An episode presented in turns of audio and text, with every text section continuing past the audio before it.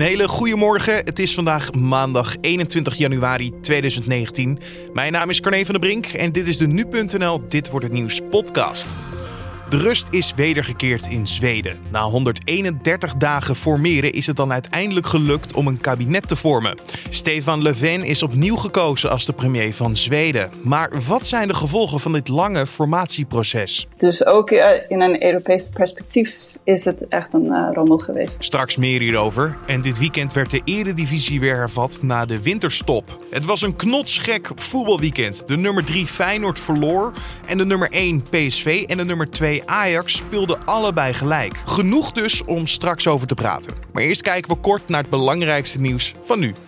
Spaanse reddingswerkers zijn er zondag niet in geslaagd het tweejarige jongetje Julen te bereiken die al dagen in een put vastzit in het Spaanse Totalan. De reddingsoperatie loopt hierdoor opnieuw vertraging op. Zondagavond zijn de hulpverleners tijdens boorwerkzaamheden tot een diepte van 45 meter gekomen. Zaterdag spraken zij nog de verwachting uit dat de operatie zondag zou zijn afgerond. Julen viel vorige week zondag tijdens het spelen nabij Totalan in een put die ongeveer 107 meter diep is. De opening was maar 25 centimeter breed. Daardoor moet een aparte tunnel worden gegraven. Het Israëlische leger voert luchtaanvallen uit op doelen van het Irakese Quds-korps in Syrië. Israël heeft daarbij Syrië gewaarschuwd geen aanvallen uit te voeren op het grondgebied van Israël of op Israëlische troepen. Het Syrische staatspersbureau Sana meldde dat het luchtafweergeschut van het leger vijandelijke doelen had neergehaald, zonder in te gaan op details. Ooggetuigen in de Syrische hoofdstad Damascus spreken van zware explosies in de lucht. De prijs van een gemiddelde koopwoning is in het derde kwartaal van 2018 gestegen met 10,2 procent. Dat blijkt uit cijfers van het CBS en het kadaster. Nieuwbouw koopwoningen waren in het derde kwartaal van 2018 17% duurder dan een jaar eerder. De prijzen van bestaande koopwoningen stegen in dezelfde periode met 9,2%, zo meldt het CBS. Nederland staat ermee op de tweede plek in de Europese Unie. Alleen de huizen in Slovenië maakten een hogere prijsstijging mee. Bij een aanslag in het noorden van Mali zijn tien VN-medewerkers uit Tjaad om het leven gekomen. Een aan Al-Qaeda gelieerde terreurorganisatie heeft de verantwoordelijkheid opgeëist voor de aanslag. De aanval zou een reactie zijn op het besluit van de president van Tjaad, Idris Deby. Hij wil namelijk de diplomatieke banden met Israël gaan herstellen. En daar kijken we naar de dag van vandaag, oftewel dit wordt het nieuws. De rust is wedergekeerd in Zweden. Na 131 dagen formeren is het dan uiteindelijk gelukt om een kabinet te vormen. Stefan Löfven is opnieuw gekozen als de premier van Zweden. Voor Löfven is het zijn tweede ambtstermijn in een nieuwe centrumlinkse regering. De Sociaaldemocraat werkt erin samen met de Groenen. De Centrumpartij en de Liberalen geven gedoogsteun.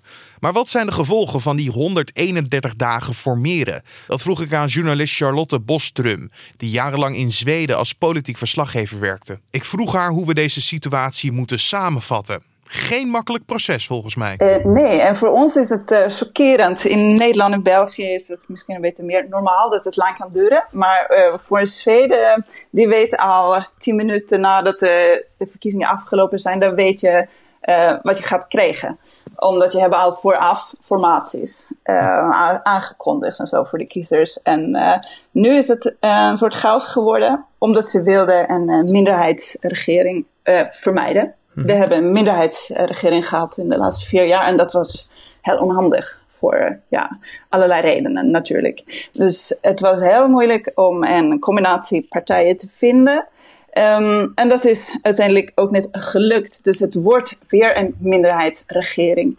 Uh, maar dan met steun van twee kleine sociaal-liberale partijen. Ja, nee, dus het is uiteindelijk nog best wel tricky hoe dit ook maar in de komende jaren moet gaan. Ja, allemaal gaat reilen en zeilen. Nou, vrijdag hadden ze dus dit grote afspraak. Um, in 73 punten hebben ze bepaald van oké, okay, uh, dit wordt regeringsbeleid voor de komende vier jaar. Dus het wordt wel vrij stabiel. Okay. Uh, de, denken de experts, of denk, denk ik ook. Um, dus dat is nu de afspraak. Uh, maar het is een minderheidsregering. er zijn 131 dagen nodig geweest om mm. uiteindelijk tot die formatie te komen. Ja. Waardoor duurde het zo lang uiteindelijk? Ja, nee, het was dus één reden was dat ze wilden een meerderheidsregering. Ja. En um, ook niemand wil samenwerken met de Sverigedemocraten. Dat is een partij wat heel, veel, heel erg lijkt op de Partij van Wilders. De PVV, inderdaad. Ja. ja. Inderdaad. En dat partij ligt nu rond de 17 procent. En uh, ja, met dat partij wil niemand een coalitie maken. En dat is uh, lastig. Uh -huh. En hoe, hoe hebben zij erop gereageerd? Die uh, rechtse politieke partij uit Zweden. Hoe hebben zij erop gereageerd dat ze eigenlijk buiten werden gesloten? Ja, precies wat de nu zegt. We worden buitengesloten en uh, dit is niet democratisch. En wij zijn gegroeid. Uh, vier jaar geleden hebben ze 13% gekregen. Dus ze zeggen maar, wij zijn de grote winnaars eigenlijk. En uh, wij, kregen geen, uh, mo mogen niet aan de macht komen. Dat is niet democratisch. En is zo'n situatie die er nu speelt in, in, Zweden, natuurlijk van een hele lange formatie. Is dat nou uniek voor het land? Of is dit eigenlijk wel eens vaker gebeurd? Nee, dat is uh, heel uniek voor het land, maar ook voor één land in, in Europa. Ik denk op vier na is het nooit zo lang um, geduurd na de Tweede Wereldoorlog. Uh, dus ook uh, in een Europees perspectief is het echt een uh, rommel geweest. En jij kijkt natuurlijk ook niet alleen wat het natuurlijk politiekmatig met het land doet, maar ook heel erg de bevolking. Hoe waren ja. zij hieronder? Eigenlijk, als je kijkt naar wat de kiezers het liefst wil, dan zag je in de laatste paar maanden dat wat mensen het allerliefst wil, was een regering, een combinatie van de Sociaaldemocraten en Centerpartiet. Dat lijkt op D66. Um, dat is ongeveer wat we nu krijgen. Het wordt dus een regering van de Sociaaldemocraten en dan met steun van Centerpartiet. Mm -hmm. Niet in de regering, maar wel um, met steun. Dus eigenlijk um, is het um, niet zo erg voor heel veel mensen. Nee, nee ze hebben er wel vrede mee inderdaad, ja. De, de partij waar niet mee samen wil worden gewerkt, de vergelijkbare partij zoals de PVV, um, dat zorgt dan misschien wel voor een land dat verdeeld kan worden. Doordat heel een hele grote groep mensen op die partij hebben gestemd, die worden dus niet gehoord. Zorgt dat dat het land op dit moment verdeeld is of ga ik dan te ver? Uh, het is wel interessant dat alle andere partijen in de in het parlement hebben hun best gedaan om niet met hun samen te werken. Dus je zou, uh, je zou kunnen zeggen dat, dat het niet democratisch is en dat het het land verdeelt. En dat je misschien um, meer macht aan dat partij zou moeten geven, zodat ze hunzelf zouden moeten bewijzen. Mm -hmm. uh, maar ja, ik ben, ik ben journalist, dus ik wil geen mening hebben eigenlijk. Nee, snap en, ik. Maar het zorgt niet binnen de uh, bevolking voor verdeling. Bijvoorbeeld dat zij niet blij zijn met wat er nu uiteindelijk ja, gemaakt is als formatie. Nou, uh, dit was nieuws op vrijdag en daarna heb ik geen polls nee. gezien over wat mensen hiervan denken. Maar, maar ik zou zeggen, ik woon nu drie jaar in Nederland en de, het gedrag en de stemmen wat je hoort van de kiezers van Sverigedemocraten lijkt heel erg op wat je hoort van mensen die op uh, Wilders stemmen. Dus er is wel veel uh, boosheid. Wat zal er vandaag gebeuren? Uh, vandaag gaat Stefan Löfven vertellen ja, wie de ministers worden. We weten al dat het wordt de Sociaaldemocraten en de Groene Partij. En vandaag kregen we te horen uh, precies welke mensen hij gaat kiezen. Je hoorde journalist Charlotte Bostrum. Dit weekend werd de Eredivisie weer hervat na de winterstop. Het was een knotsgek voetbalweekend. De nummer 3 Feyenoord verloor en de nummer 1 PSV en nummer 2 Ajax speelden allebei gelijk. Maar hoe kunnen we dit knotsgekke begin van de tweede seizoenshelft verklaren? Dat vroeg ik aan nu-sportredacteur Riepke Bakker. Want hoe zou jij dit voetbalweekend samenvatten? nou, ik dacht aan een woord als uh, krankzinnig. Of uh, aan een woord als bizar. Ja, het is, het is echt heel gek wat er gebeurd is. Want we zitten eigenlijk een half jaar een beetje te, te murmelen over het feit Ajax en PSV, er is niks meer aan. Ze verspelen geen punten meer. En wat gebeurt er? Voor het eerst sinds november 2016 heeft de gehele top 3 Feyenoord verliest bij PEC, Ajax tegelijk tegen Heerenveen en PSV gelijk tegen het nietige FC uh, punten verspeeld. Om nog iets heel geks te noemen. Wij hebben voor het eerst, jij en ik, meegemaakt dat Ajax met 4-4 gelijk heeft gespeeld. Want de laatste keer dat dat gebeurd was, was in 1985 tegen FC Twente. Nou ja, zo'n bizar weekend was het. Wauw, maar waar kijk jij dan het meest van op? Het verlies van Feyenoord, het gelijkspel van PSV of de gemiste koppositie van Ajax door ja, die, die, die mooie gelijkspel zoals je hem beschreef? Uh, van Ajax. Kijk, Feyenoord heeft zijn zwakheden. Dat hebben we in dit seizoen, dit seizoen al, al vaker gezien. PV is, is, is ook bizar. Ehm, maar kan je zeggen, ze wonnen de laatste maanden wel eens vaker iets gelukkiger dan dat Ajax het deed.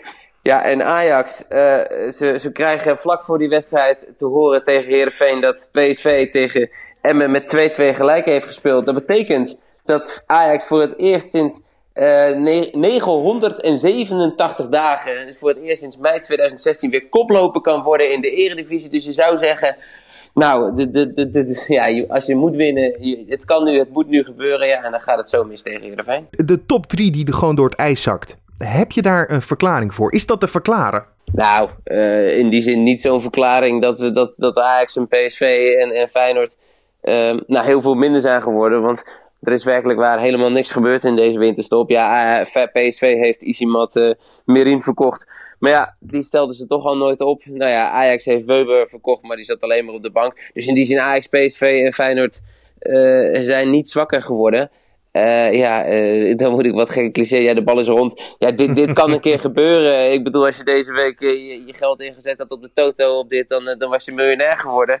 Ja, zoiets geks er gebeurt. En gelukkig gebeurt het weer eens een beetje, want we waren toch een beetje ingedut in die eredivisie. We zetten allemaal toch de tv aan en we gingen naar het stadion met de gedachte, we weten wat er gaat gebeuren. Nou, gelukkig uh, was dat dit weekend niet zo. Nee, ik vind het een hele mooie. De bal is rond inderdaad. Ja, en uh, heb jij verder nog opmerkelijke dingen gezien? Oh, een blessure of misschien de VAR die nog gekke dingen deed?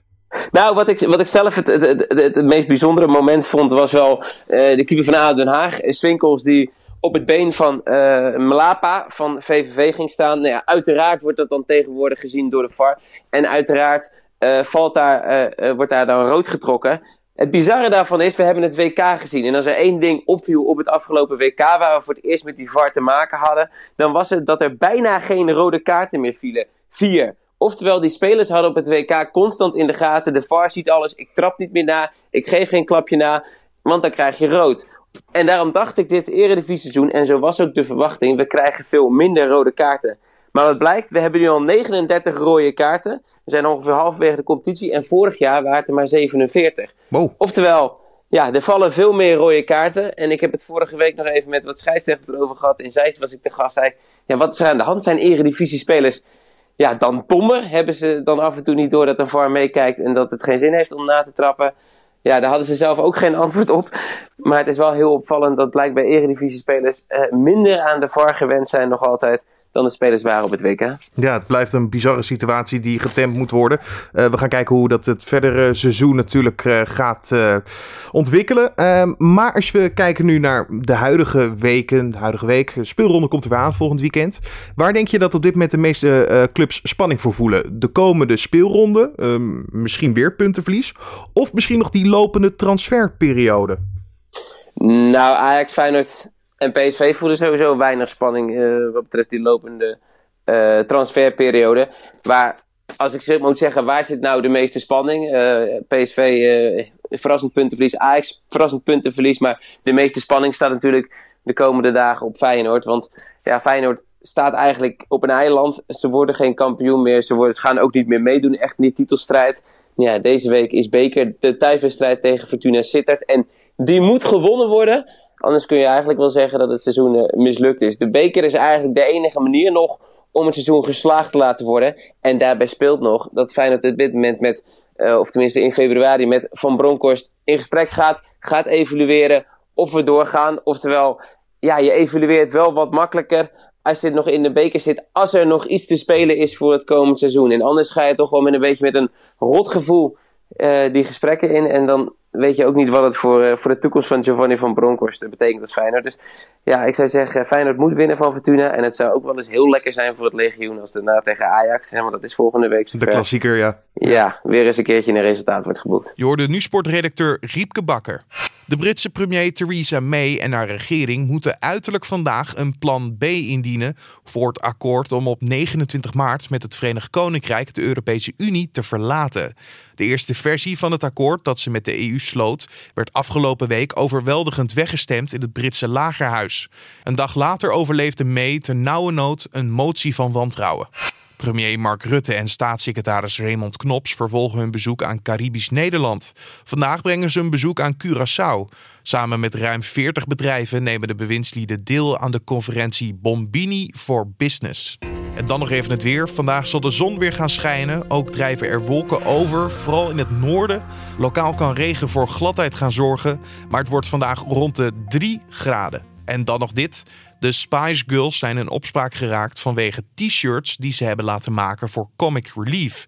De shirts zouden worden gemaakt in een fabriek waar arbeiders zeer slecht betaald krijgen en ook slecht behandeld worden. Zo meldt de Britse krant The Guardian zondag. De arbeiders van de fabriek in Bangladesh krijgen een paar dubbeltjes per uur voor hun werk. Bovendien zijn de omstandigheden in de fabriekshal mensonwaardig. Zo worden de werknemers uitgescholden en mishandeld. Dat blijkt uit onderzoek dat de krant ter plekke zou hebben gedaan. Op de shirt staat de tekst hashtag I wanna be a Spice Girl. De shirts maken deel uit van een actie voor Comic Relief. Dat is een speciale actiedag in Groot-Brittannië waarop geld wordt ingezameld voor diverse goede doelen. In een reactie laat zowel de Spice Girls als Comic Relief weten geschokt te zijn over de bevindingen van The Guardian. Het management van de Spice Girls heeft toegezegd dat er een onderzoek komt naar de wantoestanden in de fabriek. En dit was dan de Dit wordt het nieuws podcast voor deze maandag 21 januari. Je vindt de podcast natuurlijk elke maandag tot en met vrijdag om 6 uur ochtends op de voorpagina van nu.nl. En je kan ons laten weten wat je van deze podcast vindt. Dat kan je doen via een mailtje naar podcast.nu.nl of een recensie in iTunes. Mijn naam is Carleen van der Brink. Voor nu een hele mooie maandag en tot morgen.